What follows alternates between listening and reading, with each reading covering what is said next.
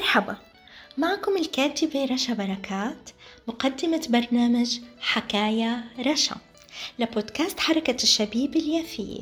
حكاية رشا برنامج حكايات كل حكاية فيها عنوان. عنوان بهمنا عنوان بمسنا عنوان بيفرحنا عنوان بذكرنا وعنوان بعلمنا. حكاية رشا. صباح ومساء لكل مستمعي ومحبي بودكاست حركة الشبيبة حول العالم. ومستم... ومتابعي برنامجي حكاية رشا. اليوم أنا حكايتي إن شاء الله ما كمان إزعجكم فيها لأنه فيها طلب. عن أهمية دعم مبدعينا وفنانينا الفلسطينيين. كنت في السابق كتبت مقالة آه اللي سميتها يا توتة الدار. يا توتة الدار هي استوحيتها من أغنية آه أبو عرب صوت فلسطين اللي بقول هدي يا بحر هدي. هو بقول فيها يا توتة الدار صبرك عالزمان انجار لا بد منعود مهما طول المشوار. أما بمقالتي فأنا كتبت إنه هي عن إبداعات وأغاني فلسطينية ملتزمة لمبدعين فلسطينيين رافقت الثورة والثوار ولا زالت إلى يومنا الحاضر تشعل في قلوب كل وطني شريف الشوق لفلسطين وعبقها. هناك أغاني شعبيا بثقت اولا نتيجة أحداث عاشها أبناء شعبنا الفلسطيني في ظل المقاومة بدءا من الانتداب البريطاني وصولا إلى يومنا الحاضر في مقاومتنا ضد الاحتلال الصهيوني. فقد كتبت سابقا آه، عن شاعر الثورة الفلسطينية بين الانتداب البريطاني الشهيد نوح إبراهيم الذي كتب دبرها يا مستر ديل فتم اعتماد شعره الثوري ضد الانتداب في أناشيد ثورية لإبقاء روح التاريخ الثوري وتفعيله عبر الأجيال. إن كنا نريد أن نبحث في أغلب الطرق العالمية في السياسات والثورات نجد أن اعتماد الأناشيد والأغاني الثورية مكرس فيها. ففي الغالب الثورات على اختلافها تحتاج لتجييش شعبي وإن العامل الأقرب لمشاعر الشعوب والتأثير عليها هو لغة النشيد والأغنية. إضافة إلى عامل التأثير العاطفي واستعمال المشاعر نجد شقا آخر يحمل بعدا استثنائيا مع شعبنا الفلسطيني وهو إيصال الرسائل.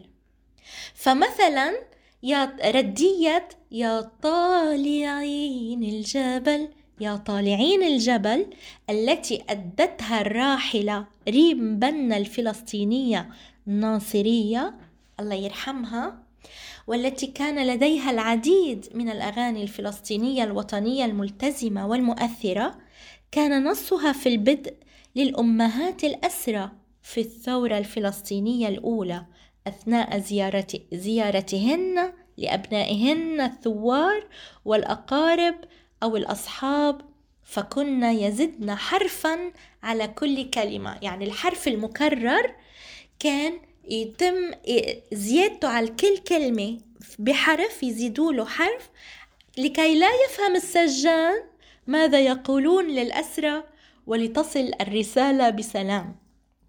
يعني أهمية أهمية آه كمان وأصول وتاريخ ردياتنا الفلسطينية الشعبية كمان فيها إيصال لرسالة ما. فيها قضية فيها عمل. يعني نحن أغانينا آه، وتراثنا غني جدا ومهم كتير. ووجود فنانينا ومبدعينا يعني لازم دعم لأنه هو كمان مقاومة بحد ذاته.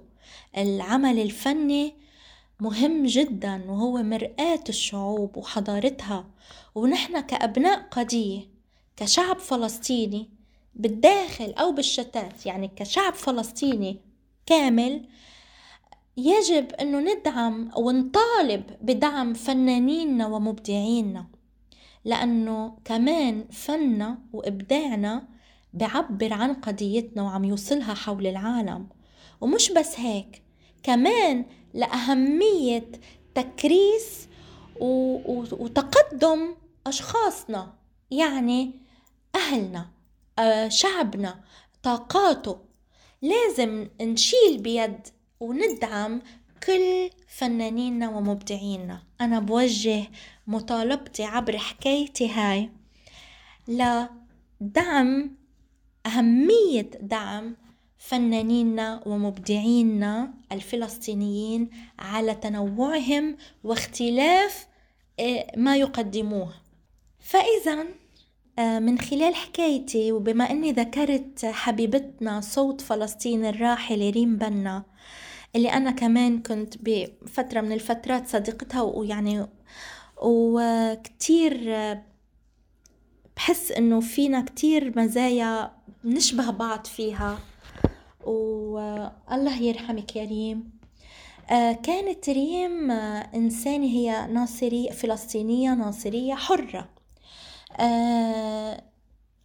صوت فلسطين وجمال نصوصها كان إنها نصوص آه، دسمة وقدمت فن راقي وفن حضاري وأكاديمي والنصوص كانت يعني كلها تنطق فلسطين. وما وراء النصوص بالمؤدية والملحنة كمان لأنه في بعض ال بعض يعني بعض من أعمالها شاركت هي بالألحان كمان أو بالنصوص.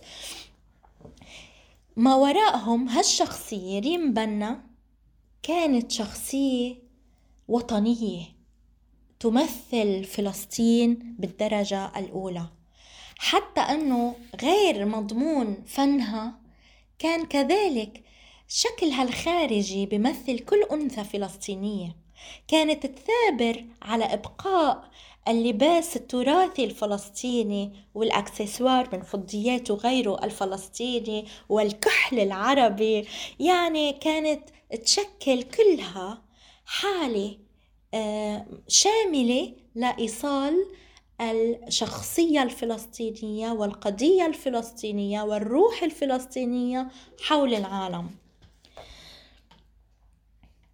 ومع صوت فلسطين الراحل الباقي كمان أبو عرب الله يرحمه اللي بيقول أغنية وترنيمة يا توتة الدار اللي هي بتتكلم عن الحنين والسلوك الذي علينا نحن أبناء الشعب الفلسطيني أن نسلكه.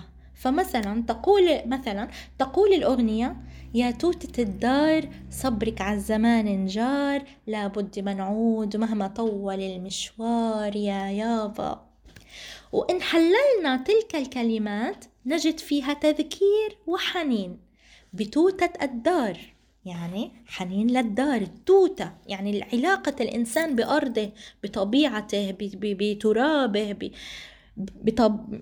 بهوائه بكل ما يملكه علاقة الإنسان العلاقة الإنسانية ما بين ما بينه وبين أرضه ووطنه. فكل ما يختص بالدار والذاكرة والملكية المعنوية والمادية فئان من ثم بعدين الدعوة إلى الصبر وإصرار على العودة. فتلك كلمات أغنية لخصت أغلب حكاية الشعب الفلسطيني الذي يعشق ويتشوق لأرضه والذي يمتلك الإصرار والتحدي والأمل للعودة إلى فلسطين إضافة إلى محاولة إيجاد طرق ووسائل للتجيش الشعبي والمقاومة. فمثلا كمان آه ما بدي أنسى بالزمانات بالأول الثورة الفلسطينية كمان الثورة الثانية يعني ما بعد النكبة عم بحكي كان كمان آه، في فرقة قديمة اسمها فرقة العاشقين. واشتهرت كمان فرقة العاشقين الفرقة الفلسطينية في بيروت أيام الدفاع عن فلسطين والعروبة و... وكانت يعني آه، آه، تشجع الثوار وتجيش الشعب و... ومش بس الشعب الفلسطيني الشعب العربي كله يجوها من كافة أقطاع العالم العربي وكذلك الغربي اللي كان ناشط لصالح القضية الفلسطينية ويشوفوا ويتابعوا فرقة العاشقين. وبنصوص فرقة العاشقين كانت نصوص جميلة جدا منها لطشات سياسية منها إيصال رسائل ومنها كمان سرد للواقع وللوقائع. آه طبعا الفلسطيني. فمثلا كمان في عصرنا الحالي أو أيامنا الحالية وبحسب لغة جيلنا مثل ما شهدنا بال... بوقت ما بالستينيات كان في فرقة البيتلز. اليوم عم الشهيرة طبعا البريطانية. فاليوم نحن الشعب الفلسطيني آه عنا فرق مش أقل أهمية وشهرة عن البيتلز مثلا عنا فرقة روك فرق جاز فرق راب كلها فلسطينية. وهي كمان حتى لو كانت يعني آه، فرق فلسطينية أردنية فلسطينية لبنانية فلسطينية من بالداخل كلها هي أشخاصها فلسطينيين و والعاملين عليها وعلى النصوص كله فلسطيني. و آه، بينطق بالحس الوطني والحس الإنساني ويعني وعم بيقدم أعمال بتحكي عن حاضره عن تاريخه عن واقعه. هلأ الحالي يعني مع الحاضر طبعا قصدي يعني وبتحكي عنه بتعبر عن ذاته آه، عن مشاكله عن أحلامه عن طموحاته لهالشعب وعن قضيته. ف آه عنا آه مثلا فرقة المربع فرقة جدل عنا فرقة سول فرقة ولعت وغيرهم الكثير يعني. ففي أجمل مثلا من من آه من كلام قدمتها فرقة ولعت لو شربوا البحر أو هدوا السور ما ببيع العكا. يعني شي رائع. هيدا على الصعيد الفرق. أما الصعيد الغنائي الفردي فمثلا عنا يافا أبو شميس آه، بنت يافا آه، اللي بتقول بتغني يافا ست الكل وغيره غيراته ف وفرقة الراب باسم مين إرهابي اللي غنوا فيها مين إرهابي؟ أنا إرهابي كيف إرهابي وأنا بدي بلادي؟ يعني فهاي أغاني عم تعبر عن نفسها. أنا بالتالي بتمنى من الجميع ومن المعنيين الفلسطينيين إنه يشكلوا عامل دعم لأهلنا وشبابنا ولمبدعينا ومثقفينا ولفنانينا آه، لند دعم يعني أعمالنا جميعا بتحتاج لدعم آه، ليس فقط معنوي بتحتاج لدعم مادي لاستمراريتها والنهوض النهوض بأشخاصها وتقدمهم لأنه لازم ندعم كل طاقاتنا الفلسطينية. آه، فمثلا إذا بدي كمان زيد آه، وأحكي أكتر عن موضوع أهمية الكلمة والفن آه، بإيصال روح القضية حول العالم. كمان ما ما فينا ننكر وننسى إنه بالوقت ذاته فنانيننا ومبدعينا بيواجهوا صعوبات. وبالتالي هاي الصعوبات جزء منها عنصرية جزء منها محاربة جزء يعني متفرعة ومتنوعة ومتعددة. ومفهوم ليش طبعا. وبالتالي نحن لا آه، هاي الصعوبات علينا نحن كفلسطينيين وكمعنيين فلسطينيين وكمؤسسات نجتمع على أهمية دعم هذه الفرق والإبداعات والأشخاص والمبدعين. فلازم طاقاتنا الفلسطينية دايما نسعى لدعمها ونتعرف عليها ونتابعها وهي بتحكي عننا. هي كلمتنا هي قضيتنا هي تاريخنا وهي حاضرنا. وهي نحن. وبهيك أنا بختم حكايتي لليوم من برنامج حكايا رشا لبودكاست حركة الشبيب اليافية. وبسلم على الجميع وبلقاكم كمان بحلقة جديدة. بس حتكون الحلقة الجاي هي الحلقة الأخيرة من برنامجي. وأكيد ما رح أقلكن عن شو. وبحبكم حكايا رشا.